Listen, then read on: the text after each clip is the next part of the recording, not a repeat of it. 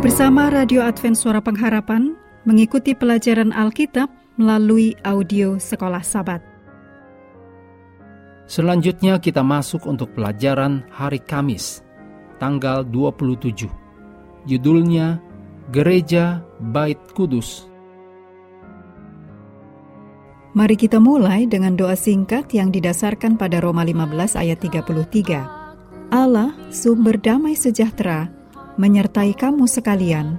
Amin. Aku selalu rindu beriman lebih dekat padamu.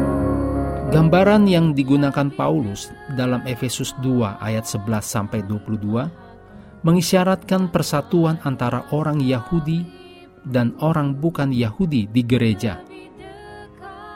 Meninjau Efesus pasal 2, kita mengingat kembali bahwa ayat 1 sampai 10 mengajarkan supaya kita hidup dalam keakraban dengan Yesus. Sedangkan ayat 11 sampai 22 mengajarkan bahwa kita hidup dalam keakraban dengan orang lain sebagai bagian dari gerejanya. Kematian Yesus memiliki manfaat vertikal dalam membangun hubungan kita dengan Allah. Demikian ditulis dalam Efesus 2 ayat 1 sampai 10. Dan manfaat horizontal dalam mempererat hubungan kita dengan orang lain. Demikian ditulis dalam Efesus 2 ayat 11 sampai 22. Melalui salib, Yesus menghancurkan semua yang memisahkan orang percaya bukan Yahudi dari orang Yahudi, termasuk penyalahgunaan hukum untuk memperlebar jurang pemisah. Demikian ditulis dalam Efesus 2 ayat 11 sampai 18. Yesus juga membangun sesuatu yaitu sebuah bait kudus baru yang menakjubkan yang terdiri dari orang-orang percaya. Orang bukan Yahudi yang pernah dikucilkan dari penyembahan dalam bait kudus, sekarang bergabung dengan orang percaya Yahudi untuk menjadi bait kudus yang baru. Kita semua menjadi bagian dari gereja Allah, bait Allah yang kudus di dalam Tuhan. Demikian ditulis dalam Efesus 2 ayat 19 sampai 22. Dan mendapat hak istimewa untuk hidup dalam keakraban dengan Yesus dan saudara-saudari kita dalam Kristus.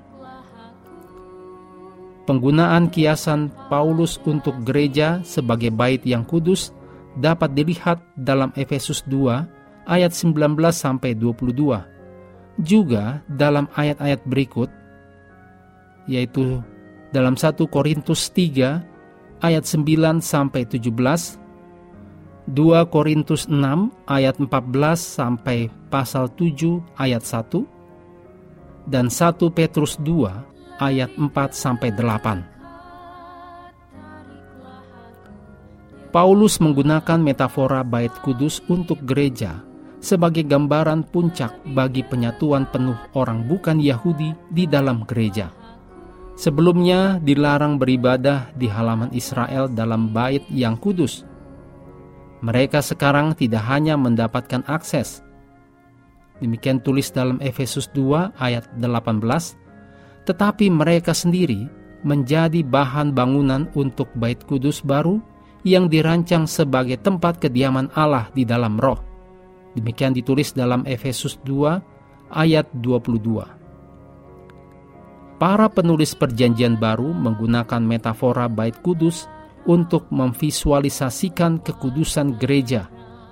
Peran Allah dalam mendirikan dan menumbuhkan gereja dan keagraban orang percaya di dalam gereja. Metafora ini digunakan dalam hubungannya dengan bahasa biologis. Demikian ditulis dalam Efesus 2 ayat 21, di mana bait yang kudus tumbuh dan proses pembangunan sering ditekankan. Ditulis dalam Efesus 2 ayat 22, dikatakan, kamu juga turut dibangunkan. Daripada gambaran yang statis, gereja dapat mengakui identitasnya sebagai bait dari Allah yang hidup. Demikian ditulis dalam 2 Korintus 6 ayat 16. Mengakhiri pelajaran hari ini, mari kembali ke ayat hafalan Efesus 2 ayat 13 dan 14. Tetapi sekarang di dalam Kristus Yesus, kamu yang dahulu jauh sudah menjadi dekat oleh darah Kristus. Karena dialah damai sejahtera kita yang telah mempersatukan kedua pihak dan yang telah merubuhkan tembok pemisah, yaitu perseteruan.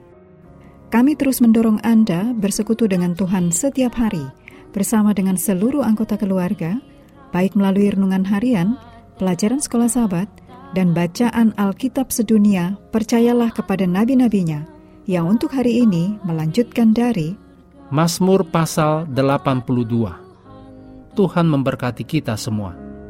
Lebih